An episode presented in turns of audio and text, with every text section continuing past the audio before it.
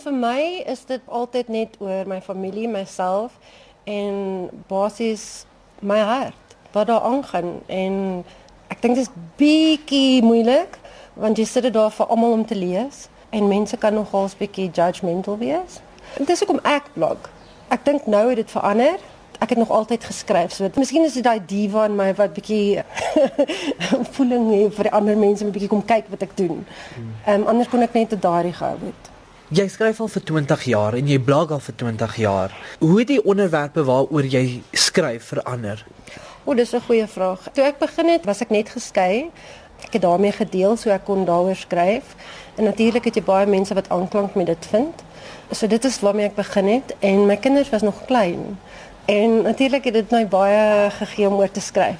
Ek was nog nooit 'n mommy blogger nie. Ek het nog nooit geskryf van 20 ways to potty train your toddler nie.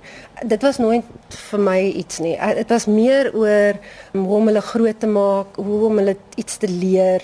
Ek wou vreeslik graag passionate kinders gehad het. Hulle moes vra vra. En dis waaroor ek geskryf het.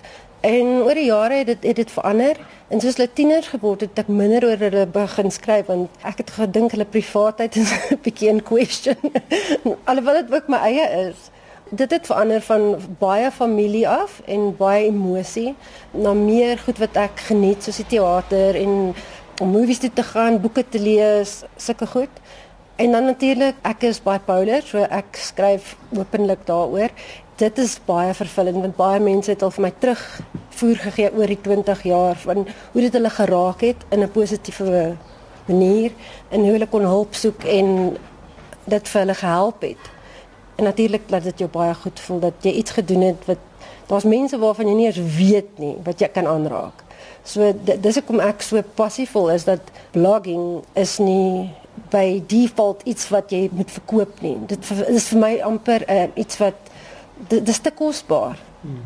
om daai spasie op te gee vir party goed.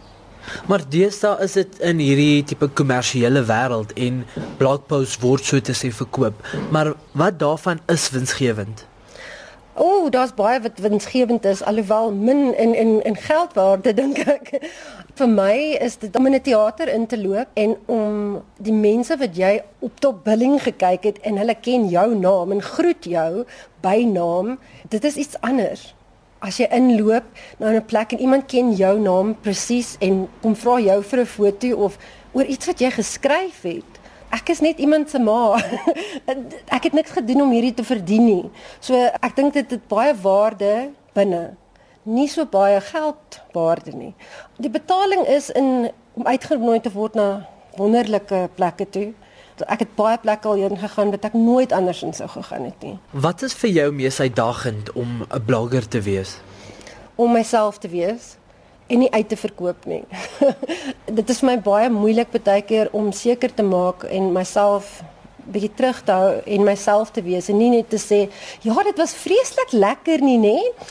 Want dit was nie vreeslik lekker nie en al die plekke wat jy gaan kan nie vreeslik lekker wees nie. Alles is nie dieselfde nie.